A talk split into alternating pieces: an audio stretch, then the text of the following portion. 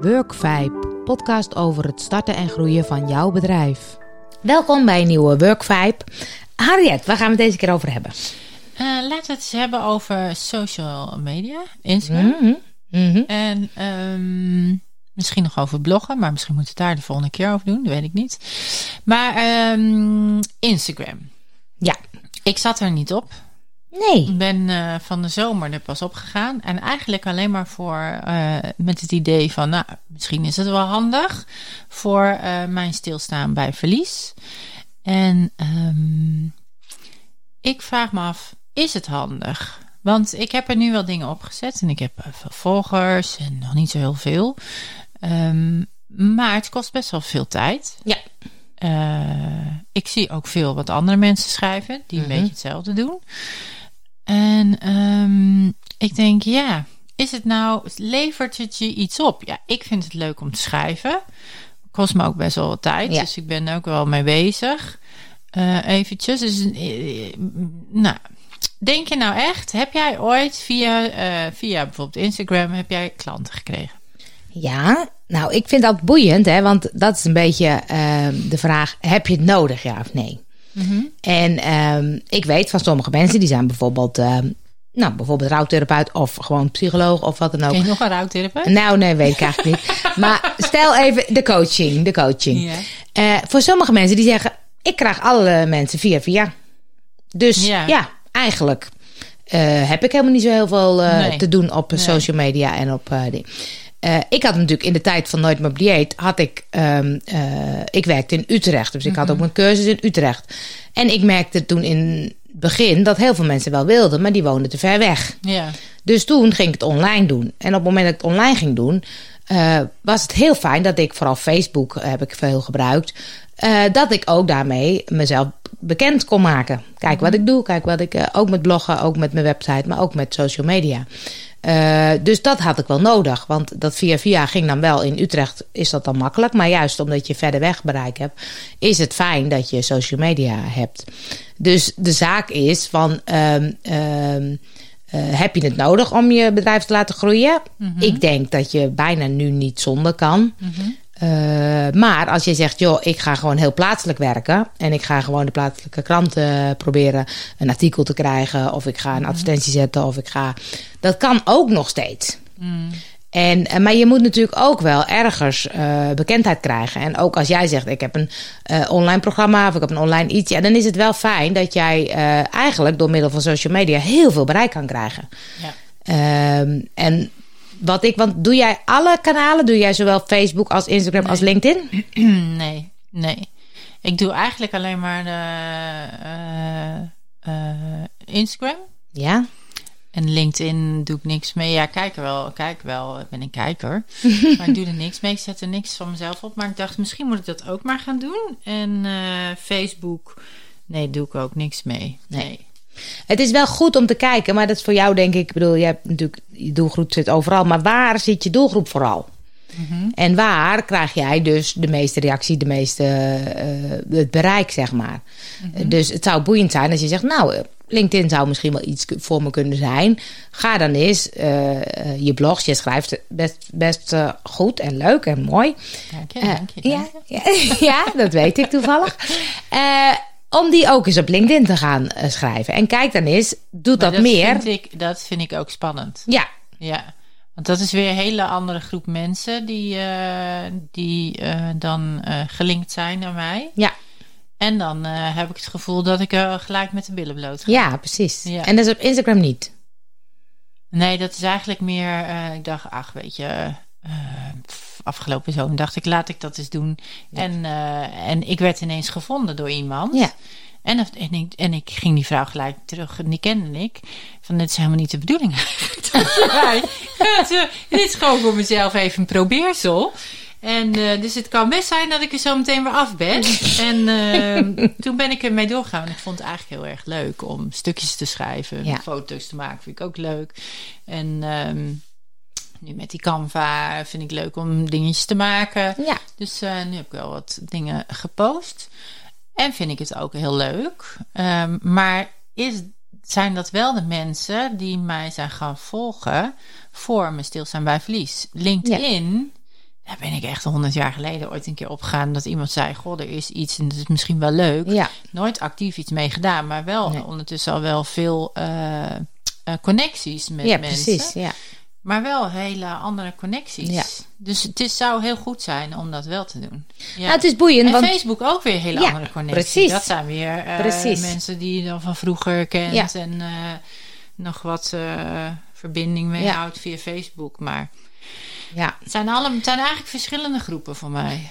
Ja, dus is het boeiend. Weet je, het, het is altijd zo dat je kan zeggen, joh, je kan nooit op alle kanalen heel actief zijn.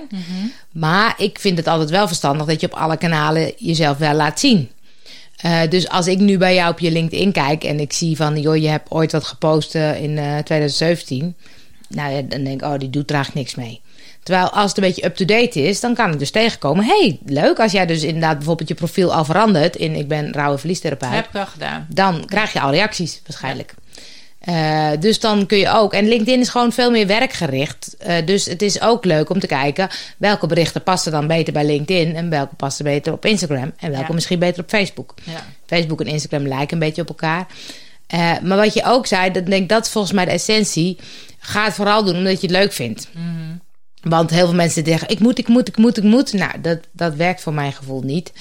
Eh, op het moment dat je het leuk vindt om te schrijven, wij doen een podcast, vinden het leuk om te kletsen, eh, dan voelen mensen dat ook. En dan hebben ze ook het idee: hey, dit is ook leuk, dus ik ga diegene even volgen. Want, eh, en juist op de onderwerpen. En ehm, wat doe je nu om meer volgers te krijgen? Ben je er actief mee bezig of denk je: ik doe maar wat? Nee, ik, doe, ik ben er niet actief mee bezig. Ik zou niet eens weten hoe ik daar actief mee bezig moet zijn. Nee, wat zouden, wat zouden dingen kunnen zijn waardoor je meer volgers krijgt? Door iedereen te gaan volgen. Bijvoorbeeld. Maar als ik zie dat jij eh, 3000 mensen volgt en er zijn er maar drie die jou volgen, dan denk ik poepoe. Maar dat je al zo denkt, dat vind ik al. Daar heb ik al moeite mee. Met dat je daarover na moet gaan denken. Dat je volgers wil. Ja, en dat je dan mensen gaat volgen met het idee dat je dan volgers krijgt of zo. Ja, nee, ik zou ook altijd zoeken naar interessant. Dus het is leuk om mensen te gaan volgen. Maar wat vooral handig is van al die netwerken, is dat ze met zoekwoorden aan de gang gaan. Ja. Dus vooral zelf, als jij een bericht post, en dat doe je volgens mij ook wel aardig, dan kies je ook een aantal zoekwoorden waar je op je gevonden kan worden. Ja. En ehm, kijk, het is niet zozeer dat je er een soort wedstrijd van moet maken, maar je zit ook op eh, social media om jezelf te laten zien en je bedrijf te laten zien. Ja. Dus dan moet je ook nadenken, oké, hoe kan ik dat dan vergroten? Ja. En je kan er zo, ik vind dat wel leuk om een soort wedstrijdje van te maken. Om te kijken, kan ik volgende week nog eh, zoveel volgers? Ja, doe ik tegenwoordig niet meer. Maar ik weet in de tijd van eh, Nooit meer op dieet, toen had ik eh, met Twitter. En nou, dat ging als een tierenlier. Dus op een gegeven moment had ik over de 5000 volgers of zo. En dat vond ik in het begin, dat heb ik heel erg, dat ik denk, oh, nog meer, nog meer.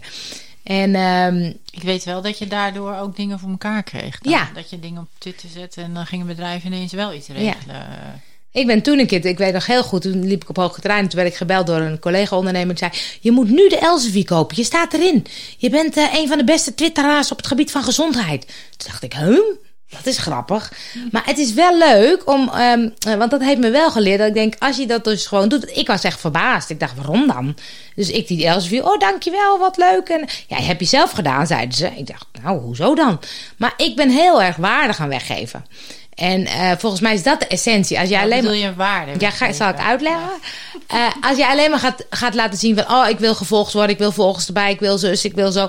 De mensen die voelen dat. Of je wil je product Mhm. verkopen. Kom nu bij mij, kom. Ja, dat weet je, dat werkt niet. Mhm. En ik was heel erg van ehm, eh, informatie delen. Dus, Mhm. dus bijvoorbeeld het programma Obese was ik heel erg tegen. Daar heb ik een blog geschreven. De vijf kritiekpu- kritiekpunten van het programma. En toen dacht ik, oh, dan moet ik ook het positieve doen. Dus toen heb ik daarna gezegd wat we kunnen leren van Obese. Nou, toen reageerde die Danny, die deelnemer, die reageerde zelf. Nou, die is uiteindelijk bij mijn evenement geweest. Ehm, maar heel erg ook op de actualiteit. Als er wel iets was over diëten of dingen. Alles delen, mijn mening delen. Maar- Dus zeiden zeiden van, ja, het is gewoon heel interessant wat je deelt. Dus dan willen mensen je graag volgen. Ja, Eh, en dat moet de, de, de basis zijn, zeg maar. ja. Dus de verhalen die je deelt, die zijn tof om te lezen. Ja. Dus dat maakt dat mensen zeggen: hé, hey, ik ga er volgen, want ik vind gave verhalen. ja. Ik weet bijvoorbeeld, van de week was er op nieuws, vond ik ook zo'n leuk verhaal. Van een vrouw en de dochter had gezegd: eh, Mam, je moet op TikTok. En die deed iets met coaching en volgens mij seksuele voorlichting, iets met. Dus die ging allemaal soort van eh, dingetjes delen. En vervolgens kreeg ze heel veel vragen van jongeren over seksuele voorlichting. Dus nu heeft ze echt al honderdduizend volgers, geloof ik. Wat grappig. Omdat ze gewoon dacht: hé, hey, dan ga ik gewoon die vragen beantwoorden. Ja. En dat bleek dus een hele grote behoefte te zijn. Dat jongeren dachten: oh, hier kunnen we gewoon alles vragen zonder dat het misschien gek is. Wat grappig. Ja. En toen dacht ik: ja, dat is iemand die eigenlijk zonder groot doel is begonnen. Die gewoon dacht: dit vind ik leuk om te doen. Ja. En dat voelt gewoon oké. In plaats van als jij gaat denken: ik moet meer volgers en ik moet mijn programma verkopen. Ja, dat gaat gewoon niet werken. Nee. Dus volgens mij is de essentie gewoon: wat vind je nou echt leuk? Eh, is dat schrijven? Is dat praten? Is dat video? Is dat. eh, en welk kanaal vind je leuk? Wat vind je leuk om te doen? En hoe, hoe kan je daar dan wat meer zichtbaar op zijn? Ja. Ja. Dus wat, ehm, eh, wat wordt de eerste stap voor jou? Wat, wat ga je doen? Ehm, nou, ik, heb nog steeds zoiets niet veel anders dan wat ik doe. Ik ga gewoon, als ik zin heb om iets te posten en omdat ik iets, iets geschreven heb waarvan ik denk, nou, vind ik leuk om te delen, dan doe ik dat. En voor de rest volg ik wel, want ik, wat ik zelf heel leuk vind om te, eh, te zien bij anderen is boeken die ze gelezen Oh ja. hebben of zo. Interessante boeken vind ik heel leuk. Ehm, nou ja, dat soort dingen. Dus ik vind het leuk om te volgen. Ja. En ik vind het leuk om ehm, zelf verhalen te schrijven. Maar het kost wel tijd. Ja. Ja, ik had laatst had ik weer een heel mooi verhaal geschreven. En toen eh, was ik nog niet helemaal klaar, was de batterij van mijn telefoon leeg. Ik dacht, doe ik morgen wel het hele verhaal weg. Echt? Ah. Daar leer je ook van, hè? eh, ja, dus ehm, eh, nou ja, zo zijn er eh, vaker dingen dat ik denk, oh, maar het kost zoveel tijd. Ja. En eh, ehm, ja, heb ik het ervoor over om dat te doen, weet je? Ja, dan vind ik het leuk om een verhaal te schrijven, om iets te schrijven, Ja. iets te delen. Maar ik wilde niet, ik ga er niet heel erg actief mee aan de slag. Nee. Ik heb eh, vorige week een eh, challenge meegedaan van Maya, Maya Godvliet. En dat ging over video. En ehm, eh, eh, het grootste punt wat ik daarvan geleerd heb, is dat als je het voelt, doe het dan meteen. Ja, ja, maar dat is gek, hè? Want ik weet ook wanneer ik denk, oké, Ja. nu heb ik iets, wat denk ik, dat wil ik eh, schrijven. Ik, ik hoef niet te denken, oh, ik, ik moet weer iets gaan Nee, schrijven. precies. Ga zitten en ik ga, want er komt er niks. Dus dat doe ik ook helemaal niet. Ja. Maar soms voel ik dan, zie ik ineens iets of er komt er ergens inspiratie en denk, oh ja, daar ga ik over Ja. schrijven. Dat is, dat is eh, leuk. Ja. Nou ja, en dan moet je het wel. Dan moet je het wel gelijk doen. eh, Dat ja, moet je zelf aanleren. Doen. Ja. En, eh, ja. Mooi. Ja. Nou, dankjewel weer. Nou, graag gedaan. Wil je meer luisteren? Kijk op podcastvibes.nl.